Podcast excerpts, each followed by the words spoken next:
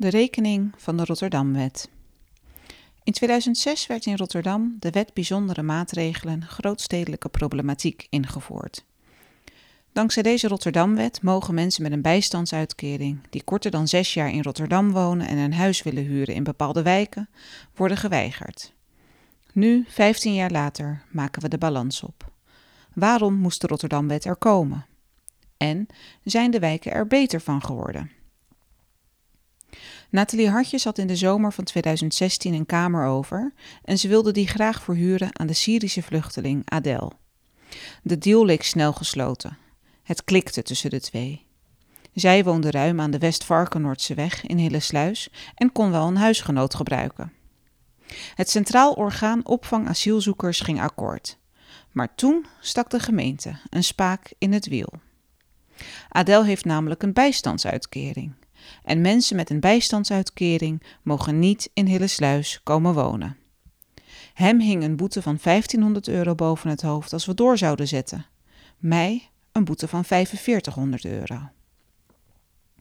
Nathalie en Adel kregen te maken met de wet bijzondere maatregelen grootstedelijke problematiek. Deze wet is onder het grote publiek beter bekend als de Rotterdamwet. Artikel 8 uit de Rotterdamwet geeft gemeenten de mogelijkheid om bepaalde mensen te weren uit geselecteerde wijken. Wie geen werk heeft of inkomen uit pensioen of studiefinanciering en korter dan zes jaar in de regio leeft, mag zich niet in deze wijken vestigen. De Rotterdamwet is bedoeld om de leefbaarheid in achterstandswijken te verbeteren. Vooral in sommige wijken op Zuid zorgde de eenzijdige bevolkingssamenstelling voor een opeenstapeling van problemen, vond de Rotterdamse gemeenteraad begin deze eeuw.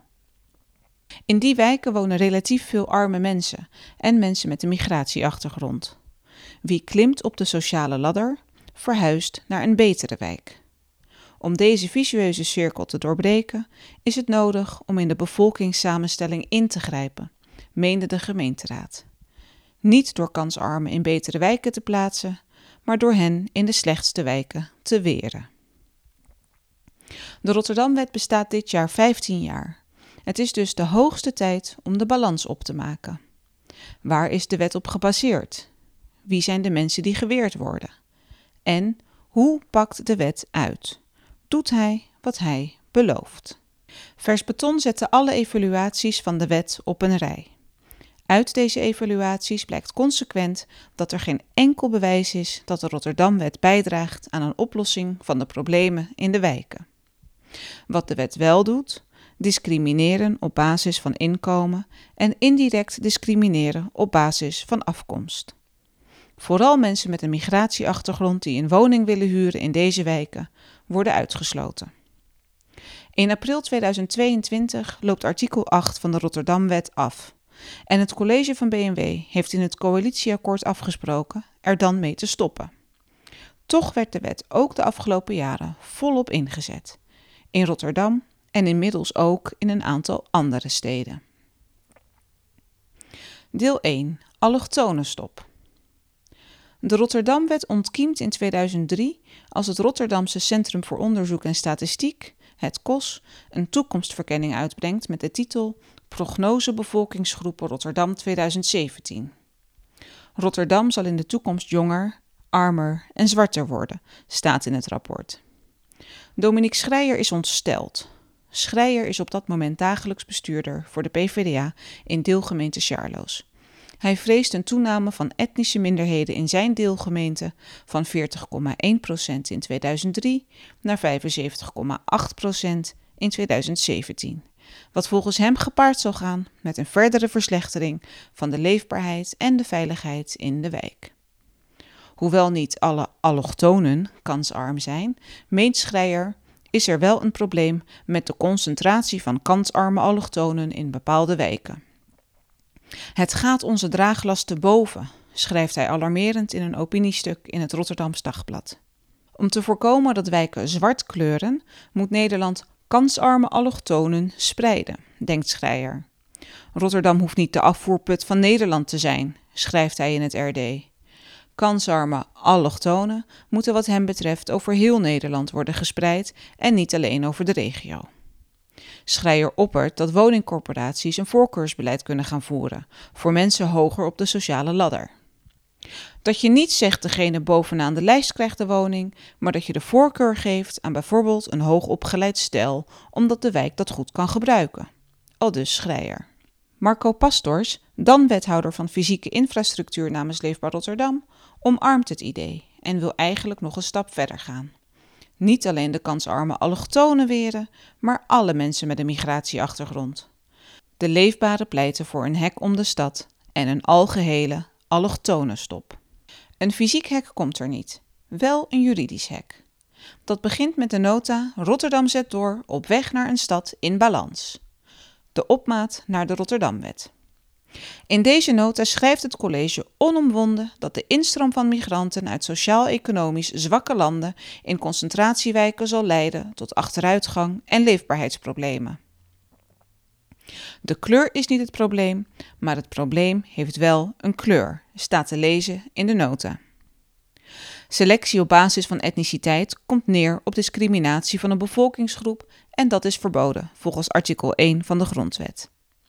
Het plan om bevolkingsgroepen een woning te weigeren vanwege hun land van herkomst ging veel bestuurders bovendien ook wel erg ver. Daarom schrijft men het idee van Schreier uiteindelijk om. Niet mensen met een niet-westerse migratieachtergrond, maar mensen met een bijstandsuitkering zullen voortaan geweigerd worden. Dat is hanteerbaarder. En omdat veel mensen met een uitkering een niet-westerse migratieachtergrond hebben, wordt met deze greep toch de beoogde doelgroep bereikt. Van alle bijstandsgerechtigden in 2020 heeft bijvoorbeeld zo'n 40% een Nederlandse achtergrond, zo'n 10% een westerse migratieachtergrond en zo'n 50% een niet-westerse migratieachtergrond. De cijfers zijn van het Centraal Bureau voor de Statistiek. Om de Rotterdamwet in te kunnen voeren, moet de gemeente Rotterdam wel het Nederlandse parlement meezien te krijgen. In de grondwet is namelijk ook opgenomen dat iedereen in Nederland zelf mag kiezen waar zij of hij wil wonen. Als een gemeente mensen structureel wil kunnen weren, zoals de Rotterdamse gemeenteraad wil, moet daar een wet voor komen. De gemeente slaagt. Na een korte pilot, die start op 1 oktober 2004, gaat het parlement mee in het plan en stemt de Eerste Kamer op 20 december 2005 in met de nieuwe wet. Vanaf juli 2006 zal de Rotterdamwet worden toegepast in de wijken Carnisse, Hillesluis, Oud-Charloes en Tarwewijk en vanaf 2010 ook in de wijk Bloemhof. Tussen 2006 en 2010 behoren ook enkele straten buiten deze buurten tot de aangewezen gebieden. Vanaf 2014 wordt de wet ook toegepast in delen van Delfshaven. Deel 2. Omstreden wet. Juridisch onomstreden is de wet niet. Meerdere keren komt de wet voor de rechter. Steeds wordt bepaald dat de wet stigmatiserend en discriminerend van aard is, maar dat dat gegeven het maatschappelijke doel van de wet te verantwoorden is. Zo waarschuwt de Raad van State, het belangrijkste adviesorgaan van de regering, in 2005 nog voordat de wet is ingevoerd dat de Rotterdamwet tot indirecte discriminatie op grond van ras kan leiden. Het kabinet legt het advies naast zich neer. Het gaat om indirecte discriminatie en pas als er daadwerkelijk sprake is van eventuele feitelijke indirecte discriminatie kan dat getoetst worden. Aldus de ministers Alexander Pechtold, Sander Dekker en Rita Verdonk in hun memorie van antwoord aan de Eerste Kamer. Het doel van de wet, het leefbaarder en veiliger maken van de wijken, maakt dat men de indirecte discriminatie, bijvoorbeeld op basis van inkomen, geoorloofd vindt. Ook de Commissie voor Gelijke Behandeling adviseerde de overheid dat de Rotterdamwet kan leiden tot indirect onderscheid op grond van ras. Bepaalde groepen zijn oververtegenwoordigd in lagere inkomensgroepen. En hierdoor kunnen etnische minderheden onevenredig hard getroffen worden door de inkomenseisen. Een paar jaar later, als de Rotterdamwet nog maar net van kracht is, start de eerste burger een rechtszaak. Een alleenstaande moeder van twee jonge kinderen sleept in 2007 de gemeente voor de rechter wanneer haar een huisvestingsvergunning wordt geweigerd. De vrouw woont op dat moment zo'n twee jaar in Tarwewijk. Omdat de verhuurder van haar woning zijn pand wil verbouwen, vraagt hij haar te verhuizen binnen de wijk. Ze gaat akkoord, maar krijgt dan voor de nieuwe woning plots geen huisvestingsvergunning, omdat ze voor haar inkomen afhankelijk is van een bijstandsuitkering. De vrouw besluit de overheid voor de rechter te dagen. Deze oordeelt echter in het voordeel van de gemeente. Ook in hoger beroep in 2009 verliest ze de rechtszaak. Uiteindelijk procedeert ze door tot aan het Europees Hof voor de Rechten van de Mens, waar ze in 2016 eveneens bot vangt. Europees Hof keurt Rotterdam-wet goed, koppen de kranten. Maar de uitspraak van het Hof is genuanceerder dan dat. Zo waarschuwt het Europees Hof voor de Rechten van de Mens in 2016 en in 2017 dat het stellen van een inkomensgrens voor het afgeven van een huisvestingsvergunning leidt tot stigmatisering van arme mensen en indirect leidt tot discriminatie op basis van ras en gender, in lijn met de waarschuwing van de Raad van State uit 2005. De mensen die het hardst worden getroffen door werkloosheid zijn immigranten en alleenstaande moeders, schrijft het Hof. Het stelt ook vast dat arme mensen niet per se een bedreiging vormen voor de openbare veiligheid en ook niet systematisch de oorzaak zijn van criminaliteit. Elke stereotyperende wetgeving, vooral waar het gaat om stigmatisering van arme mensen, is per definitie problematisch. Het oordeel is bovendien niet unaniem. Twee van de zeven rechters zijn het niet eens met de uitspraak. In 2009 waarschuwt ook de Verenigde Naties Nederland voor de Rotterdamwet. De wet, zo zegt de VN, mag niet leiden tot discriminatie van families met een laag inkomen. Minister Ernst Heers-Ballin van Justitie schrijft in zijn verantwoording dat er slechts sprake is van een minimale beperking van het recht op vrijheid van vestiging. Hij wijst erop dat de maatregel bedoeld is ter bescherming van de openbare orde. In het belang van de openbare orde zijn maatregelen gericht op het vergroten van de leefbaarheid, dan ook noodzakelijk. Tijdelijke wet. Vanaf het begin af aan wordt de Rotterdamwet beschouwd als tijdelijke wet.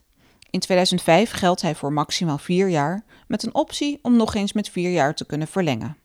Dat is de uiterste houdbaarheidsdatum, schrijven minister Dekker, Pechtold en Verdonk. Dan wel het effect is bereikt, dan wel de maatregel is onvoldoende effectief. De wet mag maximaal acht jaar in een wijk functioneren. Minister Dekker belooft dat de regering en parlement na acht jaar nog eens de kans krijgen om te debatteren over de resultaten. Dan kan besloten worden of de wet bijzondere maatregelen grootstedelijke problematiek ingezet kan blijven worden in andere gebieden, of dat men het met het hele project moet stoppen. Na vijf jaar zal er een evaluatie plaatsvinden, benadrukt minister Pechtold, en op grond daarvan kan worden besloten om te stoppen. Lisa Wolters. Boa's liepen rond in mijn huis. Hoe sterk de wet in kan grijpen op het persoonlijke leven van mensen, blijkt wel uit de persoonlijke ervaringen van Lisa Wolters. 28, kunstenaar. In 2014 verhuisde Wolters van Breda naar Rotterdam. Tot twee keer toe werd haar een huisvestingsvergunning geweigerd. Ze werkte als ZZP'er, had verschillende opdrachtgevers en de gemeente begreep niet goed wat haar inkomstenbronnen precies waren. Dan blijkt de gemeente ook nog eens actief te controleren op overtreders. Ik huurde het huis al, maar bleef er zoveel mogelijk weg. Ik had bezwaar aangetekend tegen de afwijzing van de huisvestingsvergunning en was bang dat ik mijn bezwaar zou saboteren als ik in mijn eigen huis zou verblijven. Maar toen ik een keer in het huis was, stonden er twee boa's voor de deur. Ik voelde me echt heel erg betrapt. Het leek echt alsof ik iets verkeerd had gedaan. De boa's zijn door mijn huis rondjes gaan lopen en zeiden: We kunnen dit niet door de vingers zien. Ik dacht echt: Wil je dat dit een prettige woonomgeving wordt voor zoveel mogelijk mensen? Gelukkig had ik nog dingen in dozen staan, omdat ik er niet echt woonde, en liep mijn beroep tegen de tweede afwijzing nog. Het nare is dat je door de gemeente behandeld wordt alsof je iets illegaals of verkeerds doet, terwijl ik gewoon een woning wilde huren. Mijn spullen stonden al in het huis, maar wel allemaal nog in dozen, omdat ik ze niet durfde uit te pakken. Bij de eerste afwijzingsbrief stond namelijk heel concreet wat de consequenties zouden zijn als ik zou worden betrapt in de woning. Een fikse boete voor mij en voor de huurbazen. Terwijl mijn huurbazen wilden mij graag als huurder. Maar de gemeente had het laatste woord over wat zij met hun eigendommen mochten doen. Uiteindelijk mag Wolters dankzij haar doorzettingsvermogen in de woning blijven wonen. Haar papieren blijken toch te kloppen. De Rotterdamwet is erop gebouwd dat veel mensen hem niet begrijpen. Het is allemaal zo onbegrijpelijk en vermoeiend om de juiste mensen te spreken te kunnen krijgen, om alles te kunnen regelen, vertelt ze. Hoeveel mensen raken in paniek en haken af? Deel 3. Werkt de Rotterdamwet? Ondanks alle juridische haken en ogen komt de Rotterdamwet er toch. Er is immers een hoger doel mee te bereiken. Maar uit een analyse van evaluaties blijkt dat de wet zijn politieke belofte van meer veilige en leefbare wijken niet waarmaakt. Om te bepalen of de Rotterdamwet ook geslaagd is, is het belangrijk om een onderscheid te maken tussen het doel van de Rotterdamwet en het middel. Het doel is de aangewezen wijken leefbaarder en veiliger maken voor de inwoners. Het middel hiervoor is onder meer het weren van bewoners met een bijstandsuitkering die korter dan zes jaar in de regio wonen. Het middel werkt. Uit een analyse van alle evaluaties blijkt dat het aantal bijstandsgerechtigden dat naar Rotterdam-wetwijken stroomt terug is gelopen. Dat is niet heel verwonderlijk. Wanneer je mensen met een bijstandsuitkering weert uit een wijk, moet je niet vreemd opkijken wanneer hun aantal dan ook daalt. Het doel wordt echter niet aantoonbaar bereikt. Dit blijkt zowel uit de eigen evaluaties van de gemeente als duidelijker nog door externe evaluaties. De evaluaties kunnen niet aantonen dat de Rotterdamwet duidelijke positieve effecten heeft op de leefbaarheid en de veiligheid van de wijken. In de ene Rotterdam-wetwijk gaat de leefbaarheid en veiligheid vooruit, in de andere wijk achteruit. Soms wisselt de beoordeling van een Rotterdam-wetwijk per evaluatie of per termijn. Er is kortom geen duidelijk patroon waar te nemen waaruit een kausaal verband zou blijken tussen de Rotterdamwet en de verbeterde of verslechterde leefbaarheid van de wijken. Sommige partijen in de wijk opperen dat dankzij de Rotterdamwet is voorkomen dat de wijken verder zijn verslechterd, maar ook dat kan niet bewezen worden. Snoeihard. Met name de eerste externe evaluatie uit 2015, onder leiding van Cody Hoogstenbach van de Universiteit van Amsterdam, concludeert onomwonden dat de Rotterdamwet niet heeft gewerkt. Het is het eerste onafhankelijke wetenschappelijke onderzoek in opdracht van de minister na aandringen van de Eerste Kamer. De onderzoekers analyseerden de periode tussen 2006 en 2013 en schrijven dat de Rotterdamwet niet aantoonbaar heeft bijgedragen aan een verbetering van de veiligheid en leefbaarheid in de aangewezen buurten. De UVA-onderzoekers constateren dat de Rotterdamwetwijken het wat betreft veiligheid zelfs slechter zijn gaan doen. Verder schrijven de onderzoekers dat vooral jonge, alleenwonende mannen de dupe zijn van de wet vaak mensen met een migratieachtergrond, zowel westers als niet-westers. Hoogstenbach werkt in zijn onderzoek niet met de groep daadwerkelijk geweigerden, maar met potentieel geweigerden. Dit gaat om mensen die afgewezen zouden worden voor een huisvestingsvergunning als ze deze zouden aanvragen. Reden hiervoor is dat het aantal daadwerkelijk geweigerde aanvragen redelijk laag ligt. In de praktijk ligt het echter in de lijn der verwachting dat de WBMGP een belangrijke preventieve of afschrikwekkende werking heeft, al dus Hoogstenbach en collega's. En laat nu die potentieel geweigerde vaker tot de groep niet-westerse allochtonen en veel vaker tot de groep westerse allochtonen behoren, al dus Hoogstenbach. Experts. In de begeleidende brief bij de onderzoeksresultaten aan de Eerste Kamer erkent de toenmalige minister van Wonen, Blok, dat de maatregelen niet hebben geleid tot het beoogde doel. Blok schrijft: Deze maatregel heeft niet aantoonbaar bijgedragen aan een verbetering van de veiligheid en de leefbaarheid in de aangewezen buurten. Heldere woorden, zou je denken. Opvallend aan de brief van de minister is dat hij naast het onafhankelijke en wetenschappelijke onderzoek zelf ook nog een reeks experts heeft opgetrommeld om te reflecteren op de uitkomsten van het onderzoek. Dit waren professionals van de gemeente Rotterdam, de gemeente Schiedam, het Nationaal Programma Rotterdam Zuid, Woningcorporatie Woonbron en Woningcorporatie Woonstad, schrijft hij. Waarom hij hun aanvulling nodig acht, ligt hij niet toe.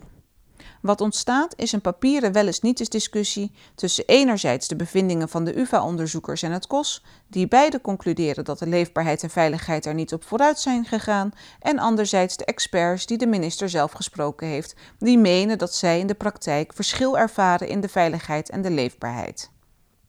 Imme Visser. Eerst een baan, dan een woning.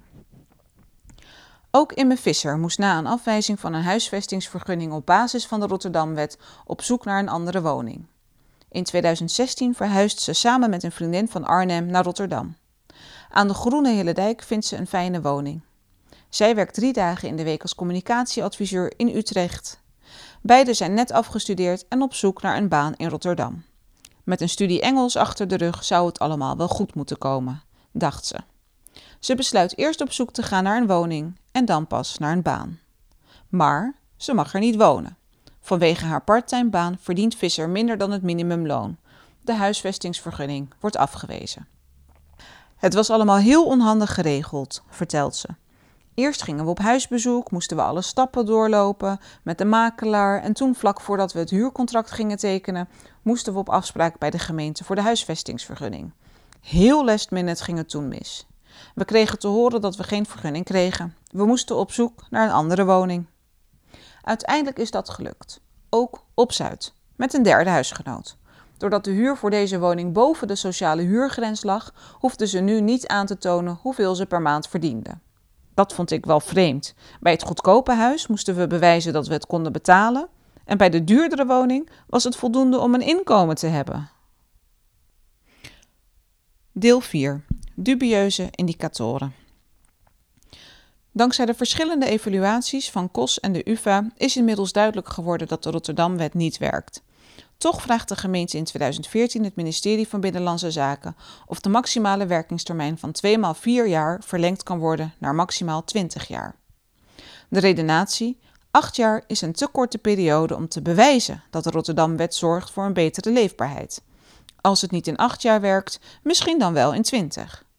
En zo kan het gebeuren dat de gemeenteraad in 2018 de minister wederom vraagt om de Rotterdamwet in de aangewezen wijken te verlengen. In eerste instantie gaat het weer om de eerder genoemde wijken. Maar in februari 2018 besluit de gemeente de Rotterdamwet fijnmaziger op straatniveau te willen gaan inzetten. Hiervoor wordt de motie Stadsacupunctuur met de Rotterdamwet aangenomen. Die volgt het advies uit de dan meest recente evaluatie van de Rotterdamwet door onderzoeksbureau Twijnstra Gudde. Om voortaan niet hele wijken aan te pakken, maar kleinschaliger te werk te gaan. Ook wordt het afwegingskader, de zogenoemde spelregels waarlangs wordt besloten of een gebied of straat al dan niet in aanmerking komt voor de Rotterdamwet, gewijzigd. De Rotterdamse Veiligheidsindex en de Sociale Index voldoen niet langer aan de eisen omdat je met deze indexen niet kunt inzoomen op straatniveau. Het cluster stadsontwikkeling van de gemeente Rotterdam grijpt daarom voortaan naast de cijfers over het aantal bijstandsgerechtigden in een wijk alleen nog naar de leefbarometer. Die kan wel op bijna straatniveau aantonen hoe goed of slecht het volgens de gemeente in een wijk gaat. Om per straat te kunnen bepalen of hier de Rotterdamwet nog toegepast kan worden, worden de straten voortaan getoetst aan de hand van drie punten. 1. Het aandeel mensen dat in een straat woont en een bijstandsuitkering heeft. Het gemeentelijke gemiddelde is 13% Alle straten met meer bijstandsgerechtigden worden onder de loep genomen. 2. De algemene score in de leefbarometer. Hoewel de onderzoekers van Twijnstra Gudde adviseerden om de Rotterdamwet van toepassing te laten zijn op straten die ruim onvoldoende of zeer onvoldoende scoren, besluit de Raad nog een stap verder te gaan. Ook straten die onvoldoende scoren worden meegenomen. En 3. De dimensie bewoners in de leefbarometer. De leefbarometer geeft de leefbaarheidssituatie van de gebieden weer. De leefbarometer is opgemaakt uit vijf zogenoemde dimensies, een soort hoofdthema's: woningen, bewoners, voorzieningen, veiligheid en fysieke omgeving. Deze krijgen alle vijf een eigen score toebedeeld aan de hand van de onderliggende indicatoren. En door middel van dit derde criterium, bewoners, blijkt het land van herkomst van Rotterdammers mee te wegen bij het selecteren van gebieden voor de Rotterdamwet. Dat is opmerkelijk, want in 2006, het jaar dat de Rotterdamwet in werking treedt, wordt het criterium aandeel niet-westerse allochtonen in een wijk nog uit de buurtsignalering geschrapt. Het rekenmodel dat op dat moment gebruikt wordt door de gemeente. Er was veel politieke ophef over het meerekenen van dat criterium. Want het zegt in feite: hoe meer niet-westerse inwoners met een migratieachtergrond er in een wijk wonen, hoe slechter de wijk. Het KOS stelde voor om wijken te selecteren op grond van een twaalftal indicatoren. Twee van deze indicatoren gingen over de etnische samenstelling van de wijken, namelijk het aandeel mensen met een niet-westerse migratieachtergrond en het aandeel nieuwkomers korter dan twee jaar in Nederland. Hoe meer inwoners met een niet-westerse migratieachtergrond er in een wijk wonen, des te slechter scoort de wijk volgens het rekenmodel en des te groter is de kans dat de wijk in aanmerking komt voor toepassing van de Rotterdamwet. GroenLinks-senator Platvoet herinnert zijn collega's bij de behandeling van de wet. GroenLinks-senator Platvoet herinnert zijn collega's bij de behandeling van de wet. Het ware karakter van deze wet stond in het voorstel dat aan de Tweede Kamer werd aangeboden en waarin als derde criterium een percentage allochtonen werd genoemd. Wij vonden dat een schandalig, discriminerend, haast naar racisme riekend voorstel, waar maar liefst vijf ministers hun handtekening onder hebben gezet. Van een slip of the pen kan dan ook geen sprake zijn geweest. Dit criterium is via een nota van wijziging wel geschrapt, maar het naakte blamerende feit blijft dat dit kabinet zo'n wetsvoorstel heeft durven indienen. Jaren later ziet het er naar uit dat de selectie van wijken of straten toch via de dimensie bewoners in de leefbarometer weer plaatsvindt op grond van het aandeel mensen met een niet-westerse migratieachtergrond in een wijk. De leefbarometer is omstreden. UvA-onderzoeker Cody Hoogstenbach vertelt desgevraagd dat de leefbarometer een dubieus instrument is. Buurten met een groot aandeel inwoners met een migratieachtergrond en een groot aandeel sociale huurwoningen zijn volgens dit instrument slechte buurten. De leefbaarheid of veiligheid meten aan de hand van de bevolking is los nog van de morele en ethische discussie gewoon broddelwerk, benadrukt hij. Mensen met een laag inkomen of gezondheidsproblematiek of een migratieachtergrond hoeven helemaal geen probleem te vormen. Stadsbestuurders zouden verder moeten kijken dan deze bewonerskenmerken als negatief te bestempelen. De dimensie bewoners van de Leefbarometer bestaat ook uit het aandeel Westerse allochtonen, aandeel Moelanders, aandeel Marokkanen, aandeel Surinamers, aandeel Turken, aandeel overige niet-Westerse allochtonen, eenoudergezinnen, gezinnen met kinderen, gezinnen zonder kinderen, aandeel arbeidsongeschikten, aandeel bijstandsgerechtigden, ouderen, ontwikkeling huishoudens, ontwikkeling 15 tot 24-jarigen en mutatiegraad. Het stadsbestuur weet dat de leefbarometer discriminatoire en omstreden is. Wethouder Bas Curvers van Bouwen, Wonen en Energietransitie Gebouwde Omgeving vraagt de minister in 2019 nog om de indicatoren die betrekking hebben op een migratieachtergrond te heroverwegen. Het feit dat het aandeel niet-westerse migranten in de leefbarometer meeweegt als negatieve pijler voor bepaalde wijken, leidde de afgelopen jaren meermaals tot discussies. In de gemeenteraad en in de media. Op vragen van de Rotterdamse gemeenteraad over het discriminatoire aspect antwoordde minister Ollongren van Binnenlandse Zaken in 2019 nog dat een wijk niet verslechtert doordat er meer niet-westerse migranten wonen, maar dat niet-westerse migranten nu eenmaal vaker in wijken wonen waar het niet goed gaat. Ondanks de kritiek op de leefbarometer als selectieinstrument maakt het stadsbestuur er gebruik van. De eigen meetinstrumenten zouden niet kunnen inzoomen op straatniveau. Maar waarom de dimensie bewoners daarbij per se in meegenomen moet worden, is onduidelijk. Het voegt niets toe. Behalve dat de omstreden indicator kleur via een achterdeur toch weer de selectie van wijken gaat mede bepalen. En desgevraagd legt de ontwikkelaar van het nieuwe afwegingskader me uit vooral geïnteresseerd te zijn in het aandeel bijstandsgerechtigden in de dimensie bewoners van de leefbarometer. Toch wordt wel degelijk de hele dimensie bewoners gebruikt. En de daadwerkelijke cijfers van het aantal bijstandsgerechtigden op straatniveau is al bekend. De dimensie bewoners voegt in dat opzicht dus helemaal niets toe. Deel 5. Einde van de Rotterdamwet in Rotterdam? Komt er binnenkort een einde aan de Rotterdamwet. Wel als het aan het huidige college van burgemeester en wethouders ligt. In het coalitieakkoord Nieuwe Energie voor Rotterdam is althans afgesproken dat er na april 2022 geen nieuwe aanvraag meer zal worden gedaan bij de minister voor toepassing van artikel 8 van de wet.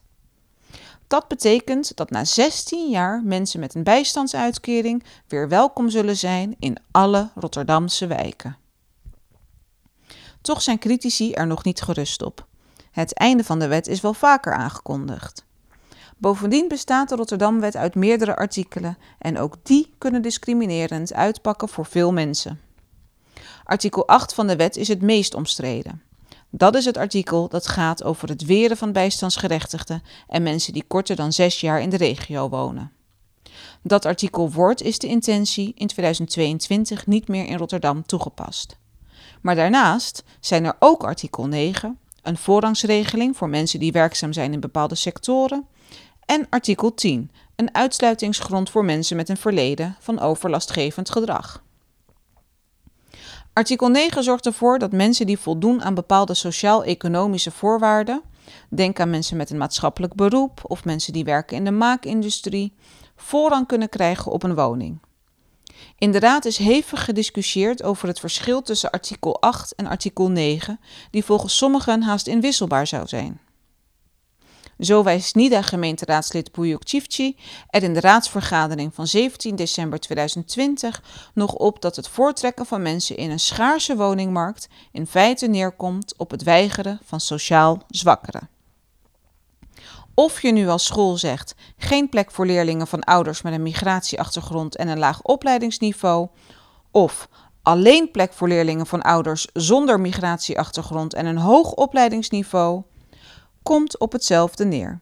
Even discriminatoire. Dezelfde logica als 1 plus 2 is 3 en 2 plus 1 is 3.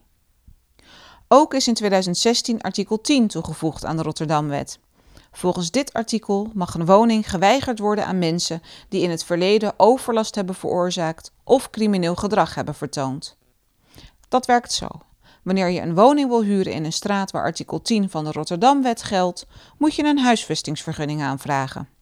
Hiervoor dien je een verklaring omtrent goed gedrag te overhandigen of je wordt gescreend door de politie. Als er bijvoorbeeld vaak meldingen zijn gedaan van geluidsoverlast, kan het zo zijn dat je geen vergunning krijgt. Hinderlijk of schadelijk gedrag, ook zonder strafrechtelijke veroordeling, kan dus al leiden tot de weigering van een vergunning. Kortom, de Rotterdamwet moest er komen om de wijken veiliger en leefbaarder te maken. Bijvoorbeeld door segregatie tegen te gaan en bevolkingsgroepen te mengen. Maar het beoogde effect is niet bereikt. De Rotterdamwet heeft de politieke belofte van meer veilige en leefbare wijken niet waar kunnen maken. Ook niet na een looptijd van 15 jaar. Het juridisch en politiek zwaar omstreden artikel 8, dat mensen uitsluit en de overheid vergaande mogelijkheden geeft de privésfeer te betreden en de vestigingsvrijheid te beperken, is al die jaren ingezet vanuit de belofte een hoger doel te kunnen bereiken. Dat hogere doel is nooit aantoonbaar gehaald.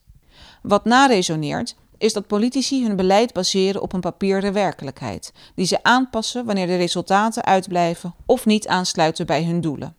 Evaluatietermijnen zijn verlengd, wijken werden straten. Iedere keer dat het beoogde resultaten niet werden behaald, is de wet of het afwegingskader aangepast. Maar ook dan bleven de resultaten uit. Dat komt doordat de politiek niet stilstaat bij de vraag waarom de doelen niet worden gehaald. Het antwoord staat eigenlijk in iedere evaluatie. Er is namelijk geen kausaal verband tussen het aandeel bijstandsgerechtigden of niet-westerse migranten in een wijk en de onveiligheid of de onleefbaarheid. Als artikel 8 wordt afgeschaft in Rotterdam, heeft de gemeente deze mensen desondanks 16 jaar actief geweerd. We zijn dus nog niet af van de Rotterdamwet. Niet in Rotterdam, waar de wet de komende maanden nog wel op straatniveau zal worden toegepast en straks in milde variant zal doorwerken. En zeker niet in andere gemeenten zoals Tilburg, Den Bosch en Nijmegen. En randgemeenten als Schiedam en Vlaardingen, waar toepassing van de wet pas net begonnen is.